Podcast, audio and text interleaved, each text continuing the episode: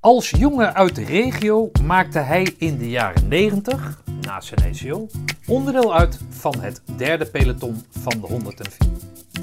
Zij waren het die na twee bezoeken aan Po zichzelf tot het parapeloton hadden omgetoond. In een veranderende wereld met een armee in transitie zag hij de duur van zijn diensttijd tijdens zijn paratenperiode van 14 tot 12 maanden verkort worden. Hoe heeft hij zijn diensttijd in Roosendaal, ondanks deze beperkingen, beleefd en hoe heeft hij sindsdien zijn leven vormgegeven? Lichting 90.3. Vandaag in de Mutstas podcast het levensverhaal van dienstplichtig commando Marcel van Hooijdonk. Commando van Hooijdonk. 69 09 02 295. Ik, eh, vanwege de Mutstas podcast ben ik op, eh, op LinkedIn eh, gekomen. Om natuurlijk zoveel mogelijk mensen te bereiken, eh, waaronder zoveel mogelijk commando's die dan potentiële slachtoffers zouden kunnen worden voor mijn interview. En vanaf het begin was er één kerel die altijd heel enthousiast reageerde op alles wat ik, wat ik postte. En daar zit ik vanavond bij in Oudebos. Zit ik bij Marcel. Nou, welkom eh, Marcel in jouw eh, fantastisch mooie huis. Dankjewel Stefan. Eh Oudebos, dat is dat, is dat hoe, hoe ver is dat van? want we hebben een aantal omwegen gemaakt. Je hebt op dat... Ik denk dat het vanuit de, in vogelvlucht naar de kazerne een kilometer of 6, 7 is. Oké, is dit, is, ligt dit op de route van een, een of andere speedmars of moeilijke dingen? Nee. Oké, dus je- je- Er, zijn wel, er staat hier een hele mooie basiliek in Oudenbos. Die heb je Ja, daar reden we langs, ja. Ja. Dat is wel een, een, een markant eh, een herkenningspunt voor... eh, ja, als je hier langs de bosranden loopt, dan eh, kun je dat van veraf bij helder weer kun je, dat, kun je die koepel zien. oké. Dus dat is wel leuk om te zien. Maar als je in Oudebos terechtkomt, dan weet je zeker dat je verkeerd zit. Dan ben je in ieder geval niet op tijd terug. Ja, oké. Van welke lichting ben jij? 90-3. 93. Ja. Wat ik begrepen heb van vooral de, de, de, de, de, de beroeps, zeg maar, onder, onder de geïnterviewden, is dat een lichting, of is er in ieder geval een jaartal, wat dicht tegen de transitie aan zat, of in de transitie zat van eh, dienstplichtig naar eh, beroepsleger. Klopt, ja. Hoe ver zat jij van dat beroepsleger af qua Eh, tijd? Wat ik uit mijn hoofd weet is dat 91.5 was volgens mij een van de laatste lichtingen. Ja. En ik zwaaide af in, in 91. Oké. Ja, we hebben, ik heb nog wel de diensttijdverkorting van 14 naar 12 maanden mee mogen maken. Eh, daarin hebben we helaas eh, een paar mooie oefeningen moeten skippen. Of heeft het KST een paar oefeningen moeten skippen. Eh, maar goed, ja, dat was toen in die tijd niet anders. Oké. Eh, Maar toen jij opkwam, was het net 12 maanden geworden? Of, of nee, toen was, het nog 14 maanden. Oh, toen was het nog 14 maanden? Oké. en in jouw diensttijd werd dat 12 werd dat maanden? 12 maanden, ja. Oh, oké. Ja. Dus dat is... Ja, qua, qua activiteit is dat dan jammer. Ja, ja, precies. Heb je daar dingen gemist waar andere lichtingen dan wel... eh, Mm, Daar waren een, eh, er was een hele, een hele grote oefening was er in Italië, eh, wat ik me kan, heb laten vertellen ooit door, door een aantal instructeurs. Waar je dus heel veel para-inzetten had en heli-opics en dat soort dingen. Dus echt wel het, het echte James Bond werk is aan je, eh, ja, aan je neus voorbij dat is gegaan. helaas aan onze neus voorbij eh, geglipt. Hey, met hoeveel eh, kwamen jullie op? Wij kwamen eh, 1 mei 1990 kwamen wij op met 127 mensen. Oké. En wij haalden op eh, 24 augustus 1990 haalden wij met 28 man onze groene bret. Oké. Ja. Maar die 127 mensen in de ECO? Of na nee, de... nee, nee, nee, in de VO de kwamen wij VO. op. Oh, Ja. Wij kwamen in de VO op met eh, 127 man. Oké. Ja. Oh, dat is dan wel een aardige redelijke afname. Ja. eh. En als je me nu vraagt met hoeveel man dat we de ECO starten, dat durf ik je niet meer te zeggen. Oké. Noem eens wat, namen van instructeurs voor, eh, voor onze luisteraars. Eh, in, eh, in die tijd hadden wij in de, in de, in de ECO hadden wij te maken met de toenmalige sergeant-major Thijssen, die je pas Ja. geïnterviewd hebt. Sergeant-major van Balen, Oké. ook een bekende. Sergeant van Zeeland, François van Zeeland. Ja. Eh, van de Mispel is er een naam. Wil van der Holst. Ook Ja. een oude... Oh nee, Wil van der Holst was een eh, VO-instructeur. Even kijken. Piet Wouters was een eh, ECO-instructeur. Eh Oeh, er nog meer joh. En tentenkampcommandant? Eh, volgens mij was de tentenkampcommandant was... eh, Of ECO-commandant? eh, ja, ECO-commandant. eh eh, Eickhout. Eek, Eekhout. Ja. Hoe, hoe, hoe kwam je daar zo, ja met de bus misschien, maar eh, hoe kwam je zo in, eh in In Roosendaal? Roosendaal, ja, dat is een leuk verhaal. Ik heb, een, eh, ik heb ooit in de Groene Beret gestaan. Oh. Een heel leuk stukje. Ik woonde in Brena. Als jonge jongen woonde ik in een heel klein straatje van acht huizen. En wij woonden op het derde huis. En op het eerste huis woonde Rinus Baremans. En Rinus Baremans was eh bestman van een commandolichting. Ja. Volgens mij zat die ergens in 61. En op het tweede huis woonde Joop van Oudheusen. Joop van Oudheusen was ook een oud commando. En eh, ja, ook eh, volgens mij 105 zat hij toen. En ja, ik vond dat wel leuk natuurlijk. En eh, ja, één keer in de vijf jaar zag ik die mannen stom dronken thuiskomen met zijn groene beret op. En voor, voor de grap was gezegd van, joh, dat zou ik ook wel willen commando worden. Hm. En nou ja, goed, met mijn dienst, dienstplichtkeuring in, toen ik 18 werd, heb ik me, heb ik me laten keuren, werd goedgekeurd. En eh, ja, gaf ik aan dat ik heel graag commando wilde worden. Totaal niet weten wat het echt inhield natuurlijk. Ja. Eh, en mariniers, ja, dat vind ik ook leuk. Nou goed, dus eh daar ging twee jaar overheen. Toen kreeg ik een brief eh, van het Corps Mariniers dat ik uitgeloot was. Daar hadden ze schijnbaar genoeg mensen. En kort daarop eh, viel er een, eh, een oproep binnen eh, dat ik moest eh, opkomen bij de Engelbrecht van Nassau kazerne. Oké. Eh, vervelend bijkomstigheid was dat ik op dat moment eigenlijk eh, niet heel actief in de sport eh, bezig was. Ik had een best wel een slechte conditie in verhouding. En een van mijn toenmalige vrienden zat op dat moment in de, die had in de ECO gezeten, was afgevallen. En die wist eigenlijk precies, mij precies te vertellen wat, het, wat, ik moest, wat ik kon verwachten, wat de toelatingseisen waren. Want ik er natuurlijk wel informatie van gehad, maar ja, weet je. Dan. En toen moest ik, ik wist in ieder geval dat ik bij de Cooper-test minimaal 2800 meter moest gaan lopen. En ik ben met hem eh, de eerste keer in Cooper-test eh, 12 minuten gaan rennen. En eh, toen, na 12 minuten stopte de horloge. En toen stond ik bijna te kotsen. En nou, toen zijn we met de auto erachter dat stuk nog een keer teruggereden. Toen bleek ik ongeveer 1200 meter gerend te hebben. Oh, Oké, dus je kwam van ver. Ja, ik kwam van ver, ja. ja. Ja. ja, Ik ben sowieso geen hardloper, nooit geweest. Ja. En eh, nou ja, goed, ik ben, eh, ik ben toen wel keihard gaan trainen. Ik denk, joh, Maar totaal niet hoeveel tijd had je ervoor dan? Ja, ik, Voordat, die, voordat je op dat moest zo aan mijn komen? hoofd weet. Ik denk dat dat een, een, een, een, een drie maanden was of zo. Oh, Oké, dus je Ja. had een uitdaging. eh. Ik had een soort van uitdaging, ja. ja. En eh, toen ben ik heel hard gaan trainen. Eh, mezelf een beetje over de kop getraind. eh, dat ik af en toe wat blessures had en zo. En, eh, en toen kwam ik op eh, in Roosendaal. En ja, de eerste week eh, was natuurlijk alle, alle testen, sporttesten en dergelijke. Nou, het optrekken, eh, dat ging dan redelijk goed. Alleen eh, het hardlopen, daar komt de persnikker met eh, heel veel pijn en moeite 2865 meter uit. Dus ik was in ieder geval binnen. En nou ja, goed, zo ben ik de ECO ingehobbeld met, met een hele hoop gasten. En dan zagen we al, al vrij snel heel veel jongens afvallen natuurlijk, om allerlei redenen.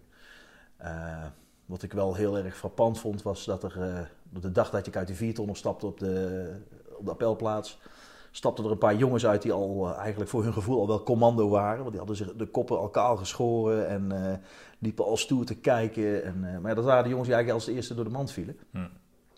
Dus dat vond ik wel mooi om te zien eigenlijk. En ik was ook Ja. gewoon een simpele burgerlul. En ja, weet je, ik vond het gewoon hartstikke leuk om, om, om, te zien van, joh, wat, wat, wat kan ik nou en, en, en wat kan ik voor mezelf? Ik was tot die tijd altijd een persoon die heel erg graag de gezelligheid zocht. En ook graag maak. Nog steeds trouwens. Als ik de gelegenheid heb. Ehm, Maar grote Maar- bek, had je, een grote bek? nou, nee, nee, niet echt een grote bek. Maar ik, ik hou altijd wel van plezier in het leven. Ja. En eh, dat vind ik heel erg belangrijk. Nou, grote En ook- bek wil ik niet zeggen dat dat Nee. gelijk staat aan, maar... Nee, nee, nee, nee, maar goed. Ik, eh, ik vind het altijd ook heel belangrijk om het de andere mensen naar de zin te maken. Oké. En dat heeft me in de, in de VO, maar zeker in de ECO, wel gebracht tot, tot het einde. Eh, Omdat we met z'n allen vaak, eh, ja, je hebt het zelf ervaren Stefan, dat je op een gegeven moment wel momenten ziet en, of eh, kent waar je er echt doorheen zit. En ja, dan is de humor toch altijd wel een, een, een wapen om, eh, om, om, weer verder te gaan. Even ontladen, lachen, gieren, brullen en dan weer door. Eh, Maar jij was daar, eh, ja, niet zozeer leidend, maar jij was dan wel degene die... Nou, ik, ik, ik vond het altijd wel, wel, eh, ja, wel leuk. Ik heb het heel zwaar gehad, natuurlijk, omdat ik, wat jij net zegt, ik kwam van ver. Ja. En eh, ja, goed, het mooie is dat je op een latere leeftijd oude instructeur spreekt. En dan, dat je dan ook pas echt het verhaal hoort van zo'n, van zo'n opleiding. Hoe dat die in gasten- elkaar steekt. Ja, dat die gasten Ja, ook oké. 24 uur per dag met je bezig zijn. En die kennen je, die kennen je echt werk binnen een paar weken van, eh, ja, van binnen en buiten kennen ze je gewoon. Ja. En die weten echt wel wat, eh, wat, eh, wat überhaupt kans van slagen heeft. Hè? Dat is mensen die denken van, oh, dat doe ik wel even. Dat, ik ben nu 51 en ik, ik heb het er wel eens zo met mensen over die daar naar vragen. En dan, ja, dan, dan, dan merk je toch jezelf iedere keer van zeggen van, joh, dat is echt wel het zwaarste wat ik gedaan heb Hm. in mijn leven. Oké. En daar ben ik wel eh, ja, nog steeds wel trots op uiteraard. Ja, oké. Maar eh, hoe heet dat? Hebben ze jou dan... eh, nou ja, en, en natuurlijk een, een ieder uit jouw peloton, zoals ze... Maar hebben ze jou over de rode kunnen krijgen? Nee, maar ze hebben mij voor mijn gevoel toen wel, en ben natuurlijk een jong mannetje, eh, wel, wel klein gekregen. Oké. Ja, ze hebben mij toch wel een paar keer echt wel, eh, ja, het, het, het spreekwoord eh, bloed, zweet en tranen, dat heeft wel in ieder wel, eh, wel een keer, en sommigen wel meerdere keren wel ervaren inderdaad. Oké. Ja. Hey, even een ander verhaal. Kijk jij dat kamp van Koningsbrugge? Jazeker. Ja. Herken, her- herkende je daar de dingen in waarvan je dacht van... Hey, kijk, Ja, ja Dat bedoel zeker wel. Ja, Ja? kijk, het is... eh, het leuke, Noem eens wat. nou ja, goed, weet je, het- eigenlijk de hele, het hele kamp van Koningsbrugge opzet... eh, brengt je toch wel op sommige momenten wel terug in de tijd. Hè? Je ziet jezelf nog steeds met je gezicht in, de, in het gras liggen en... eh, met de beasting en dat soort zaken, dat, eh, ja, dat zijn dingen die, je die je heel snel weer terugbrengen naar, na- na- naar 30 jaar geleden. Oké. Ja, de Nee. beasting, dat hadden wij nooit, Nee. nooit gehad. Dat met, jij- die, met, die, met die bokser en eh, Nee, nee, dat? nee, dat niet. Nee, nee, nee, Oh, nee. de beasting, dat je echt gewoon helemaal... Oh, die door het gras Ja, en- ja, ik wist en- nooit dat dat beasting heette. Ja. Ik, ik knikte, maar ja, dat is Zo waar hoor. Zo tegenwoordig heet dat zo, hè? Ah, oké. Maar dat heette toen ook al zo. Ik eh. heb geen flauw idee. Oh, oké. Ik, ik zie Oh, het je lult alsof je hem zelf hebt uit- hebt uitgevonden. Maar ik dat... heb hem niet uitgevonden. Nee, nee, nee, Oh, maar dat oké. beasting, ik, ik noem het beasting omdat het zo... Op de- jij vraagt naar Kamp van Koningsbrug en daar wordt het zo genoemd. Ja, het, zo wordt het genoemd. Ja, ik knik wel. Ja, het zwaar joh. Ja, nee, maar oké. Maar het is wel mooi inderdaad dat... ik, praat daar niet dagelijks over, maar er zijn heel veel mensen die dat wel weten dat ik dat ooit gedaan heb. En eh, ik vind het wel heel leuk om, om dan van die mensen de reacties te horen van... eh, zo, heb je het gezien eh, zaterdagavond? En, en was dat bij jullie toen ook zo? En weet je, ja, dat is toch wel... Ja, weet je, dan, dan, dan vind je dat toch wel leuk om daar dan weer over terug te, te flashbacken. Dan. Ja, dat er toch met terugwerkende kracht een soort respect omhoog komt. Ja, ja, zeker van, waar. ja, oké. ja.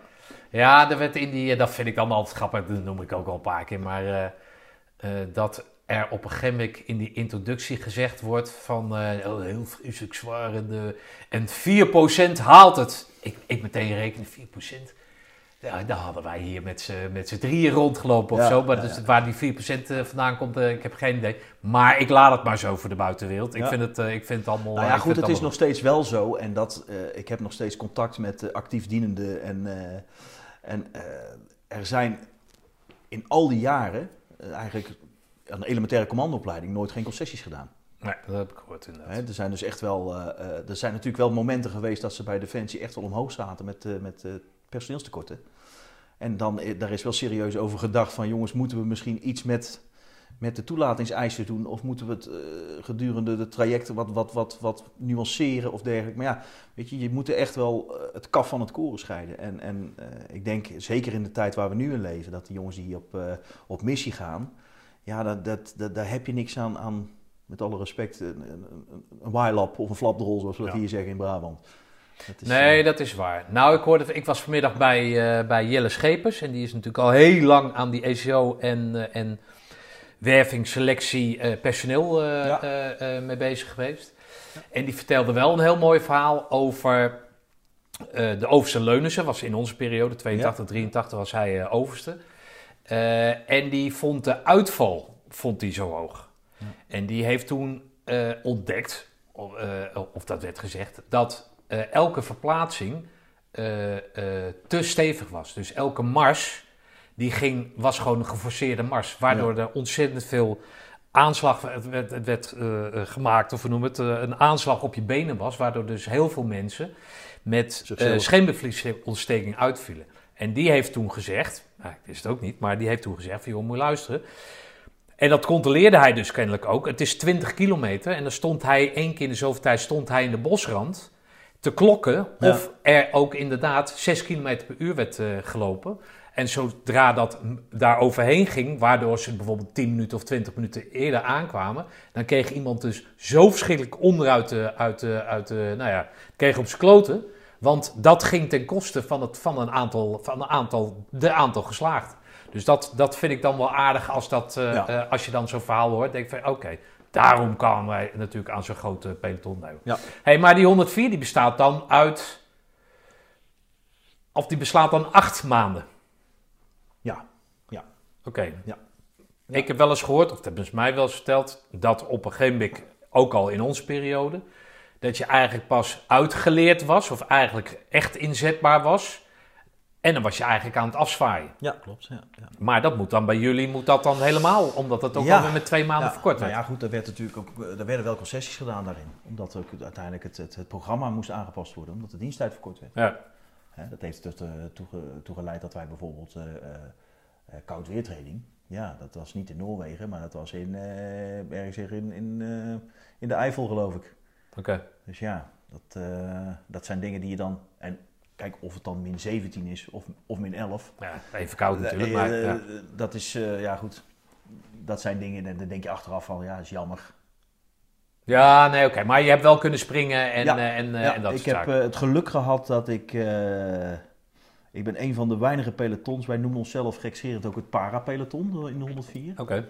Eh, wij zijn de gelukkigen geweest die eh, twee keer naar Pogen zijn, eh, naar Pogen uitgezonden Oh. zijn geweest.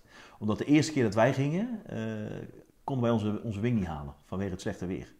Ah, oké. Nou ja, goed, wij gingen natuurlijk naar Po omdat het daar het meest springzekere weer was. En onze korpscommandant, de luitenant-kolonel Knetsch, die was daar heel erg van over de zeik. Hij zegt, hoe heb ik een peloton uh, waarnemen verkenners, uh, parachutisten die, uh, die niet parachute kunnen springen. Dus wij moesten en zouden naar het, nog een keer naar Po. Oh, lekker toch? Ja, en dat heeft ertoe geleid dat het peloton na ons, die eigenlijk naar Po zouden moeten, die zijn niet geweest. Die, eh, hoe ze dat opgelost hebben, dat weet ik niet. Maar wij zijn in ieder geval twee keer naar Po geweest. En we hebben toen ook een shirt laten maken uh, met ons peloton. Daar uh, zal ik je straks een foto van laten zien.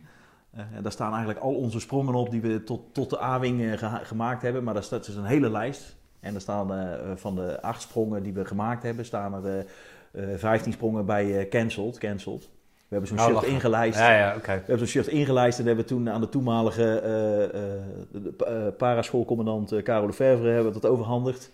Uh, en dat heeft tot, uh, ik weet niet waar het nu is, maar dat heeft tot uh, zeker vijf jaar geleden, want toen kwam ik wel eens op de, de, de, de, de Defensie Paraschool in Breda, uh, heeft dat shirt altijd een, een prominente plek gehad. Nou, wat leuk joh. Ja, ja. Hey, zie jij die kerels nog? Ja, ja. Van mijn peloton bedoel je? Ja? Of, uh, ja, ja, we hebben een, uh, geen heel hecht peloton, maar we hebben wel een soort van harde kern. Van een mannetje of tien, okay. die we elkaar wel regelmatig zien. Oké, okay. maar ook om de reunie's heen? Jazeker, ja. Ik, Okay. heb, een, uh, ik heb zelf een, een, een clubje vrienden. Uh, daar ga ik eigenlijk uh, bijna elk jaar wel een, weekje mee op vakantie. Oké, okay. vrienden uit, uit het korps? Of uit, uit jouw lichting? Ja. Oké. Het, uh, en dat hebben we een beetje een paar jaar geleden hebben we dat erin ingebracht, omdat we elkaar toch wel, eh, wat je zelf ook hebt, weinig zien als één keer in de vijf jaar. En dan worden er altijd met uh, heel veel glazen bier op worden er afspraken gemaakt. Die over het algemeen bijna niet nagekomen worden. En dan na vijf jaar zeggen we, nu gaan we het echt doen. En een paar jaar geleden hebben we met een paar man besloten van jongens, nu gaan we echt even iets doen. Oké. Okay. En een van mijn beste vrienden, Marcel Kastrop, uh, een oud commando, die, uh, die heeft uh, jaren bij de familie Heineken gewerkt. Bij Proseco in de beveiliging van de familie. Oké. En wij hebben het geluk gehad dat wij een aantal keren in het huis van de, van de security van, van de familie Heineken oh, hebben mogen lekker. vertoeven. Okay. In Zuid-Frankrijk, op Cap d'Antibes. Oké. Okay. En uh, ja, dat wilden we eigenlijk zo houden. Hij is nu afgezwaaid bij Proseco. is nog steeds wel werkzaam bij de familie Heineken als uh, terreinbeheerder in, uh, in Noordwijk. Okay. Waar de oude mevrouw Heineken, die nog steeds leeft, woont. En hij beheert daar het, het, hele, het hele winkeltje daar zo. Dus, ah, oké. ja, een soort van ja, hoe noem je dat? Hoe noem je zo'n baan? Een, Ja, eh, conciërge-achtig, eh, ja, ja. zoals eh, Magnum vroeger. Hij, eh, ja, hij zorgt voor de, het beheer van de, van de tuin, de, de, het zwembad, klusjes doet hij of besteedt hij uit en dat soort zaken. Ehm, maar dat is een van de jongens waar ik, waar, waar ik heel intensief contact mee heb. We hebben een klein clubje jongens, vier, vijf man. Noemen onszelf altijd met een knipoog de harde kern. En wij spreken elkaar heel vaak. En we zien elkaar minimaal één keer in de twee, drie maanden gaan we een hapje eten met elkaar. Ah, oké. En, eh, Vrienden. Hebben we het dan over vrienden of hebben we het over... Nee, dan hebben we het echt over echte vrienden. Ja, Ja, ja, oké. Ja, dat zijn wel de jongens, eh, de, de, eh, de band voor het leven jongens. Ondanks dat we er niet onder vuur hebben gelegen, hebben wij toch wel die band met elkaar. eh. En die is in de ECO ontstaan? Nou, die is eigenlijk in de- gewoon in de diensttijd ontstaan. Ja, oké, dus- maar heb, heb jij kerels waar je wat aan gehad hebt in die ECO... Jazeker, ja. die je eigenlijk niet spreekt of niet er, mee eh, kan communiceren, maar wel als vriend beschouwt? Ja. Ja. Als je ergens met een lekker band staat of zo, dan zou je die eventueel kunnen bellen? Dan zou je die kunnen bellen. En eh, andersom? En andersom ook uiteraard. Oh, andersom ook. Oh, zo zit je ook wel in elkaar. Ja, zeker. ja, dat is toch wel. Ja, dat, dat, dat, klinkt heel eh, melodramatisch, die band voor het leven. Hè? En dat weet jij zelf ook. De band voor het leven die is best wel betrekkelijk. Eh, met het gros van de mensen uit je peloton heb je een leuke band. Vooral een reunieband. Ja. En eh, er zijn een aantal mensen die heel dicht bij je staan. Eh, mocht er ooit iets met mij opdoen, dan heeft mijn vrouw de instructie in ieder geval om in ieder geval die jongens te bellen. En ja, die rollen dan de acties wel uit die daaruit voort moeten vloeien. Eh KST gerela- eh, gerelateerd dan bedoel ik. Ja. En ik denk ook als ik ooit in de kist kom te liggen, dat zij ook wel een soort van verplichting hebben naar mij toe om die kist te dragen. Dat is, eh, dat is een ongeschreven regel eigenlijk. Dus, Ja, oké. dus die band, zo is die band met ons. Oké. Ja. hey, luister eens. eh, de- de- de- de- zijn er beroeps uit, eh, uit jullie peloton voortgekomen? Ehm, er zijn beroeps uit, uit voortgekomen. En dan noem ik in, in, in dat ploegje van mijn eh, eh, zeer nabije vrienden... heb ik eh, die Marcel Kastrop. Die was beroeps. Eh, die heeft ook nog een tijdje bij het korps gediend. En Diederik Bos, ook een van mijn beste vrienden. Die, eh, die is ook, ging als dienstplichtig eh, ging die het leger in. En die is, eh, uiteindelijk is hij ook nog eh, beroeps geweest. Oké. Heb ook in Bosnië gediend. En zijn daarna allebei afgezwaaid en naar Heineken gegaan. Ah, oké. Ja. Maar het, is nooit bij jou opgekomen? Nee. Nou ja, ja en nee. Ik heb ooit mezelf, ik had mezelf ooit voorgenomen. Ik denk, als ik mijn groene beret haal, dan zou ik wel beroeps willen worden. En dat is eigenlijk toen in die tijd niet meer van gekomen. eh, mede ook doordat ik een, een, een, een leuke baan had voordat ik het leger in ging. Eh, met een hoop toekomstmogelijkheden. Eh, ik had een vriendinnetje die daar ook wel ja, gevoelig voor was. Dus ja, dat heeft gewoon niet zo mogen zijn. Gevoelig voor was? Voor, Nou, die, die, gezetteld die, stond, die stond niet echt open voor... ja, oké. Omdat dat jij... dat ik bij wijze van spreken beroepsmilitair zou worden. Dat, dat, Maar het trok je dus wel? Nou, in principe, het, het, laat ik het zo zeggen, het leger trok mij niet zozeer. Maar het KST trok me wel heel erg. Oh zo, oké. Ja. Ik vond het wel, eh, ik vond het wel een machtig, eh, een- zo'n zo'n aparte wereld. Eh, die, die, dat trok me wel. Oké. Ja. En ook omdat ja, de Engelbrecht van Nassau is natuurlijk een, een, een relatief kleine kazerne. Er was toen op dat moment maar één compagnie, dat was 104. En ja, een paar jaar later kwamen daar dus de 105 en de 108 weer bij. En dan krijg je natuurlijk een hele andere club weer. Ja. Maar het was natuurlijk zo'n compact, eh, select gezelschap wat daar eh, vertoefde. Dat, ja, weet je, dat sprak me wel heel erg aan. Oké, maar het was meer dan de onzekerheid van, want dat hoor ik wel van meer mensen uit die periode, van ja, hoe, hoe, waar gaat het leger heen? Waar gaat het 100, of waar gaat het korps heen? Ja, ja. En moet ik daar dan me aan verpanden, dat, Ja. dat, dat gevoel. dat weet je dat inderdaad. Wat voor baan had je dan, of, eh, voordat je in dienst ging? Ik, was, ik was elektromonteur. Ik was ooit begonnen als leerling elektromonteur. En ik groeide dus een beetje door. En, nou ja, wat we eh, het heeft, het, laat ik het zo zeggen, het KCT heeft mij eh, wel veranderd. Want toen ik de ECO eh, begon, had ik zoiets van, nou weet je, uiteindelijk kom je op een punt en je denkt van, nu moet ik er ook voor gaan ook. Terwijl ik tot die tijd, wat ik straks al aangaf, tot die tijd was ik echt wel een jongen van lang leven de lol. Was ik met iets bezig en het was nog niet klaar. En dacht ik van, nou weet je, maak ik morgen lekker af op mijn gemakkie. En op dat moment ging het mij een soort van knop om. En ik dacht van, joh, ik, nu wil ik ook niet alleen naar mezelf bewijzen wat ik, eh, wat ik waard ben. Maar ook naar bijvoorbeeld mijn ouders. Hè? Eh, naar mijn vrienden, naar mijn familie. Zo was je een soort opgegeven dan? In de zin van, eh, ja, die lamlul. Nou, nee, dat Maakt niet hoor. af. Nee, Oh. dat, nee, dat helemaal niet. Maar ik, ik, ik stond wel zo in het leven van, joh, lekker eh, relaxed en eh gezellig. Ze hadden het niet van je verwacht dat je het af zou maken. Ze hadden het misschien niet verwacht, nee. Oké. En toen, ik, ja, toen bij mij dat knopje omging, toen heb ik wel gezegd van, joh, nou, nou, nou ga ik hem ook halen, ook die beret. Oké. En ja, goed. Maar dan- waren mensen dan blij verrast van, jezus joh, dat jij dat, Nou, dat, jij dat het- kan? Of, of Het, je- hadden we nooit gezien, jou gezien? Ja, misschien, misschien wel, ja. Ja? ja? En, en misschien ook, ben ik mezelf daar ook wel, wel in tegengekomen, dat ik zoiets had van, wow, dat had ik van mezelf eigenlijk ook niet verwacht. Je had het van jezelf niet verwacht. Nou, nou ik, op, op, ik heb wel momenten gehad dat ik bij mezelf zoiets had van, wow, ja, Oké. vind ik eigenlijk wel knap van mezelf.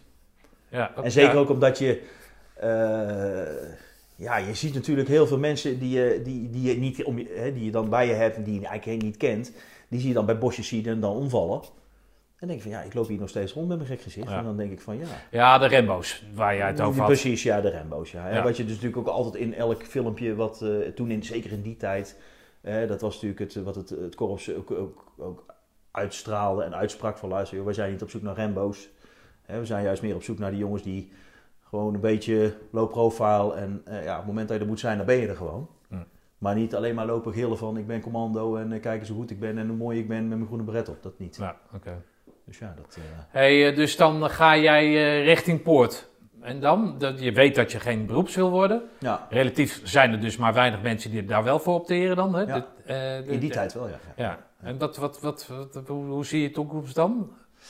Nou, die, mijn toekomst is wel op, op een positieve manier veranderd in de zin van, wat ik net aangaf, toen ik, voordat ik in dienst ging. Ja? Eh, Toen ik in dienst ging, toen, eh, of voordat ik in dienst ging, zag iedereen mij als een, eh, mij als een hele gezellige kerel waar je verschrikkelijk mee kan lachen. En eh, als Marcel erbij is, is het feest. En, maar ja, goed, ik was in, in mijn werk, was ik ja, enthousiast, leergierig. Ik wilde, ik wilde door. ja. Ik wilde, Ja, ik wilde meters maken. Hallo, en, vriend! ja, natuurlijk. en ik Hallo. werd uiteindelijk in mijn... nou, dat is mijn vrouw. Ja. Hi. Ja. Stefan. Mag ik zo Oh, je mag ook. Hoi, Stefan. Hi, jongen. Hallo, meteen. Hey, Steun, Teun. mijn zoon. Is Guus er ook bij? Ja, kijk, Ehm, ben je Hallo. ja, Jij ziet ook alles, hè? Hoi, Stefan. Hoi. schat. Hoi. Goed, schat. Pas op. In een gesprek. Hey, jongen. Hoi, Stefan. Hey, Omar. Jou heb ik ook gezien, hè, jongen? En in een frietent gezien worden. Ja. Oh, stond in die frietent? Ja. Oh, oké. Ehm, Kleine internet dames en heren. Even de familie komt even binnen. Jawel. Je komt er binnen. ehm, wat, oh ja. Even terug naar het verhaal. Ehm, tot die tijd zagen mensen mij alleen maar als een, als een, eh, als een lolbroek, om dan eventjes te chargeren. En eh, toen ik terugkwam uit militaire dienst, toen zagen, ze, toen zagen de, zeker de mensen bij mij op het werk, zagen mij wel als een totaal ander mens. Oké, oh, dat is wel grappig. Ja, dat was wel echt een, Oké. een, een, een leuke ervaring. Ik heb, ik heb dat echt zo ervaren van, joh, eh, want toen gaf ik ook wederom aan van, joh, ik wil eigenlijk wel meer. Hm. En toen waren de, de, de, de- onze, onze bedrijfsdirecteur op dat, eh, in die tijd, die, eh, die gaf mij ook echt wel de kans. Die zei van, joh, ik eh, wilde ook alles van me weten. Heeft, Oh, hele grappig. Oh, dat, sessies ja, mee gehad. eh, wat heb je allemaal gedaan en verteld. En, eh, ja, wat er wel een, een, een bijkomstigheid was, dat natuurlijk in 1991, 16 januari 91, brak de Golfoorlog uit. Oké. En toen stond ik op wacht eh, met mijn, met mijn Uzi. Ja. En ja, toen was natuurlijk in één keer op de radio dat, dat Amerika aan de gang ging in Irak. En dat heeft natuurlijk wel voor een, voor een, voor een ja, toen werd het in één keer wel in één keer dichtbij. Voor de, Voor- voor, de burgerbevolking. Voor, Voor de, de, bev- voor de burgervolking, maar ook zeker voor ons als jonge, jonge ja, militairen. ja, oké. Eh, zoiets van, oh jongens, wat gaat er... Het eh, zou, wat- het zou het kunnen zou dat we... kunnen Dat we ja, ja, Ja. oké. Ja, voelde je dat zo? Ja, dat- ja, dat nou ja, goed. Hè, we wel natuurlijk eh, het eh, verhoogde staat van paraatheid. En, eh, Oh, is dat zo, Ja, ja? ja, ja, Ja, allemaal ben binnen dat blijven. En, eh, dus het was, toen werd het in één keer serieus. Oké. En, eh, Maar zo erg dat die rode dop eraf ging dan? Eh, eh, ja, zeker. Ja, Ja? ja? toen werd er ook veel intensiever werd er, eh, beveiligd. En, eh, Oh nee, als je wacht liep, moest die rode dop er altijd af. Of Dan, ik heb eh, geen idee. Ja, Als je wacht liep, liep je met scherp. ja oké. ja, oké. Dus die was er al af. Die was ja, af. oké. Ja. Maar er werd veel intensiever beveiligd. En, eh, Dus ja, toen werd het in één keer eh, echt. Toen kwam het dichtbij. En eh, eh, ik heb je toevallig heel erg eh, leuk, want jij bent nu hier. En gisteravond heb ik een, een, een- een interview gehad met een eh, zoontje van een collega. Die eh, is een werkstuk aan het maken over de commando's. Godverdomme, En, de eh, ene dag na de Ja, Er staan alweer mensen met te rijden. flitsen RTL 4 apparatuur staat voor de deur nu. RTL 4. Even wachten hoor, ik ben even bezig nog. En, eh, dus ik heb daar gisteren ook een heel leuk verhaal mee gehad. Ik heb toevallig, voor hem heb ik van zolder wat fotoboeken gehaald. eh, mijn mutsdas, Oh, wat lachen baret. En die, heb ik, heb ik ook allemaal laten zien aan hem. Die geef ik even bij hem af. Dan kan hij dat meenemen voor zijn spreekbeurt of voor zijn werkstuk. Ja. Ehm, maar goed, ik dwaal af, eh, Stefan. Ja, maakt niet uit. Even nadenken. Nou, dat, dit, tijdens die golfoorlog, Ja, dan moest oh je alles ja, ja, vertellen tegen die bedrijfsleider of tegen die En eigenaar. toen- ja, en toen werden we uiteindelijk werden wij als eh, dienstplichtigen werden wij voor de keuze gesteld. Ehm, er werd gesproken over een, eh, een financiële vergoeding die best interessant zou zijn. Zo werd het soort van uitgelegd. Eh, we zouden in dollars betaald gaan worden en het was allemaal prachtig. mooi. Waarvoor? Werd het volgespeeld. Als wij uitgezonden zouden gaan Oh, worden. als jullie uit... Oh. Zouden gaan worden. Dus, Ja, ja, oké. En toen moest er gekozen worden van, eh, luister, we moeten wel keuzes maken. We gaan of pelotons gewijs. En als er een van het peloton zegt, ik heb daar geen zin in of ik wil dat niet of wat dan ook, dan wordt er niet gegaan. Uiteindelijk zijn we het er helemaal niet gegaan, gelu- gelukkig hè. Laten we dat nog even voorop stellen.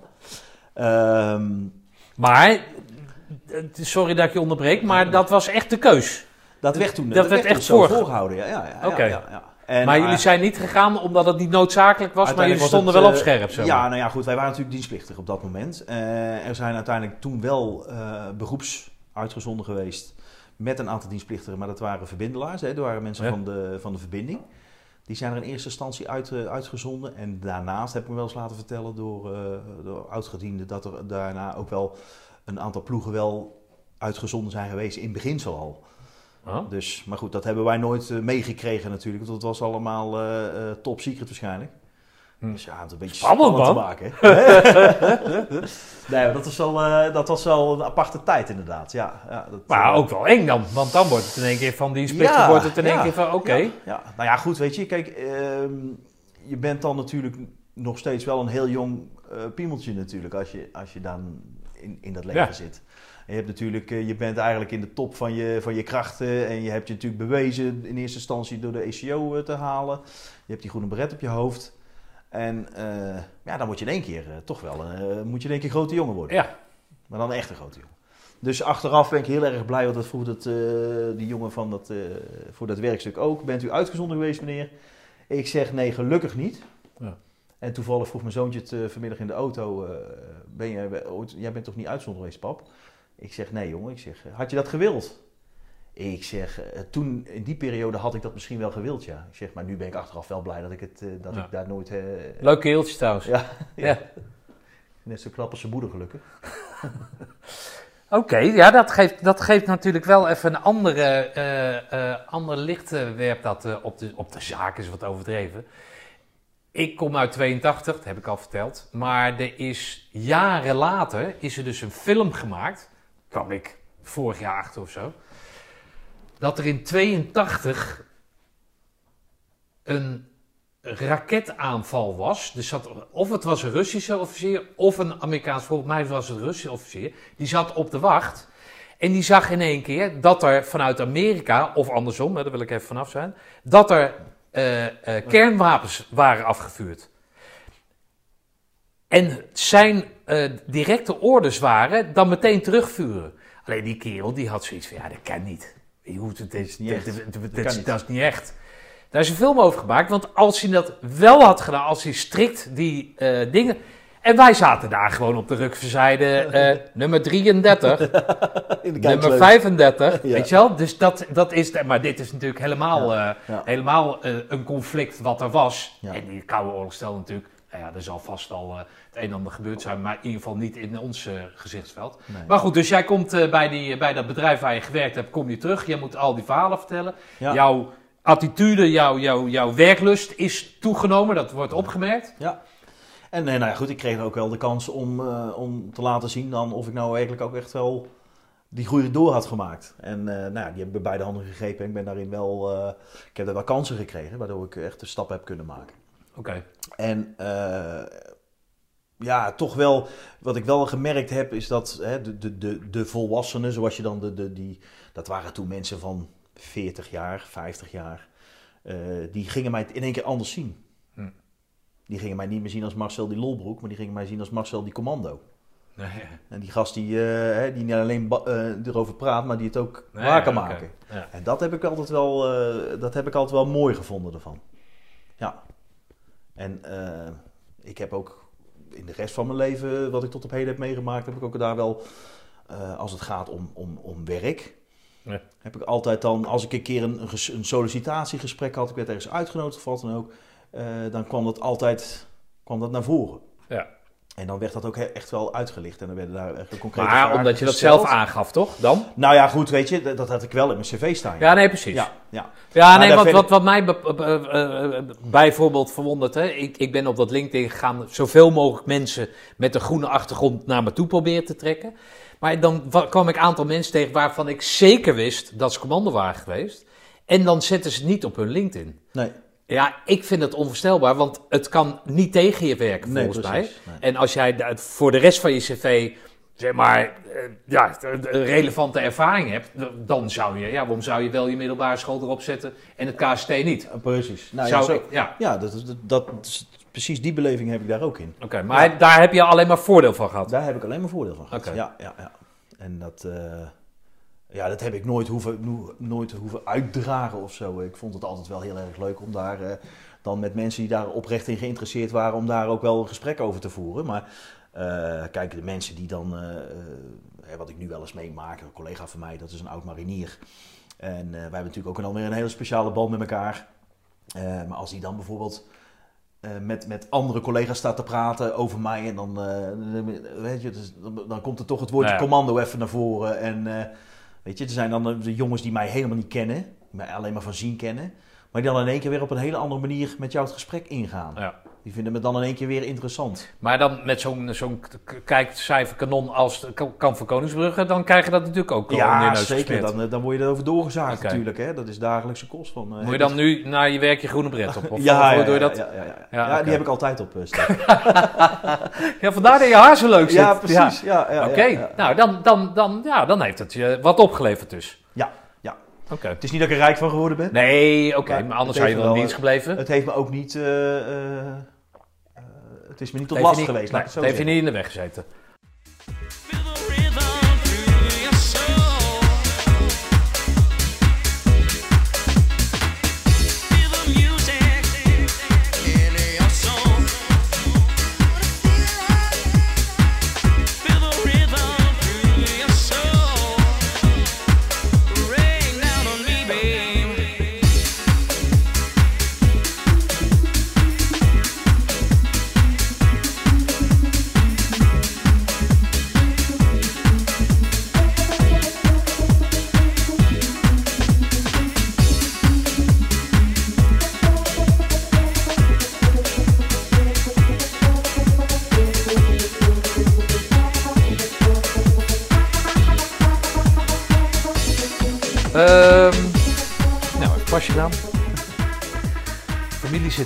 Zit, boven.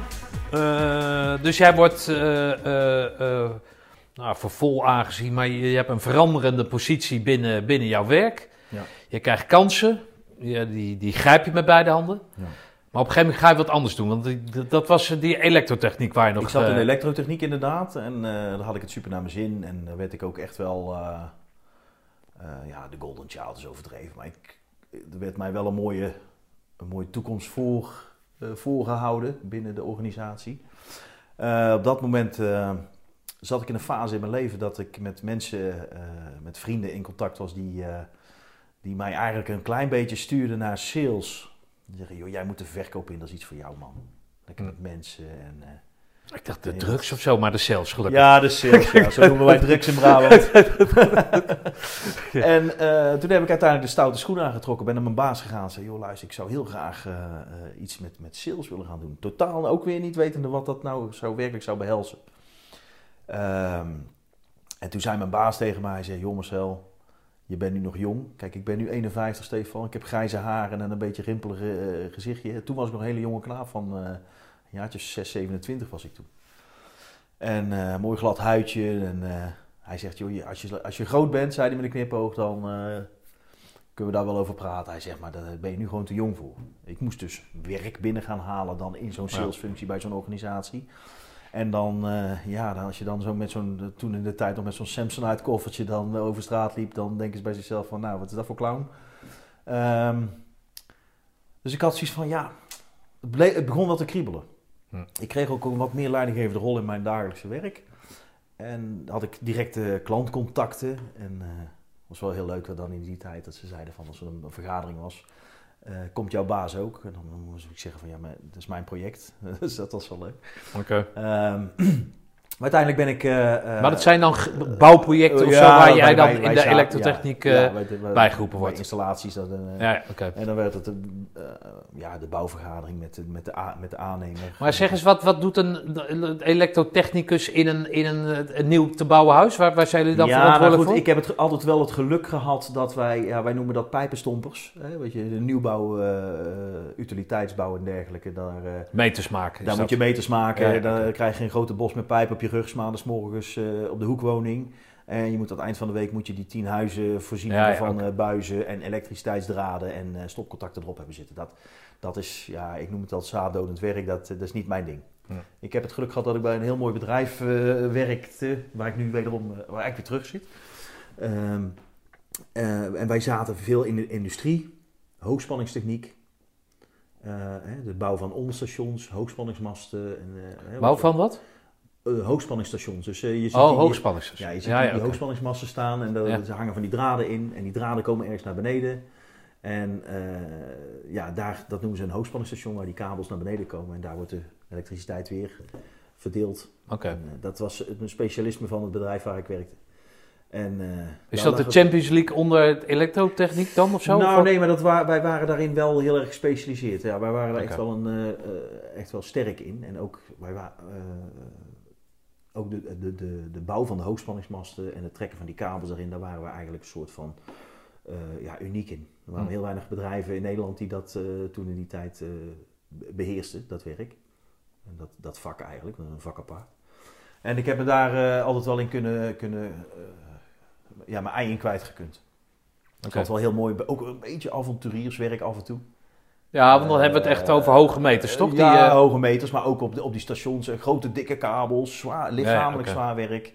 Maar ja, weet je, dan heb je toch af en toe onbewust wel je groene baret op. En dan, eh, dan is het al wat makkelijker, hè? Dus ja, uiteraard. Nee, voor iedereen makkelijker. Oh, daar gaat hij. daar gaat hij. Daar Ja, gaat hij. Ja. Hij Dus is er nee, weer. maar dat is gewoon, ja, was gewoon een hele leuke tijd. Maar uiteindelijk ben ik in de sales terechtgekomen, Stefan. En eh, stoute schoenen aangetrokken. Naar een bedrijf gegaan. En zeg van, ik wil graag vertegenwoordiger worden. Kunnen jullie mij in dienst nemen? Dan kan ik voor jullie een, eh, een goede toevoeging voor het bedrijf zijn, aanvulling. En ik heb eh, een, eh, het eerste bedrijf waar ik binnenstapte, die, ja, die, die, had, die had zoiets van, nou ja, waarom niet? Die zocht iemand. Maar die zat in diezelfde handel. Nou ja, ik, ik leefde toen in de veronderstelling, ik denk als ik nu iets moet gaan verkopen, dan is dat natuurlijk het mooiste om iets te verkopen waar ik ook mee gewerkt heb. Ja. Slijptollen, boormachines. Dus ik, zat, ik, ik kwam bij zo'n elektro-groothandel, zo'n gereedschappen-groothandel. Ja, ja, oké. Eh, maar ja, goed, ik, ik kwam er al heel snel achter dat dat totaal niet belangrijk was. Eh, het gaat natuurlijk meer om de sales aan zich.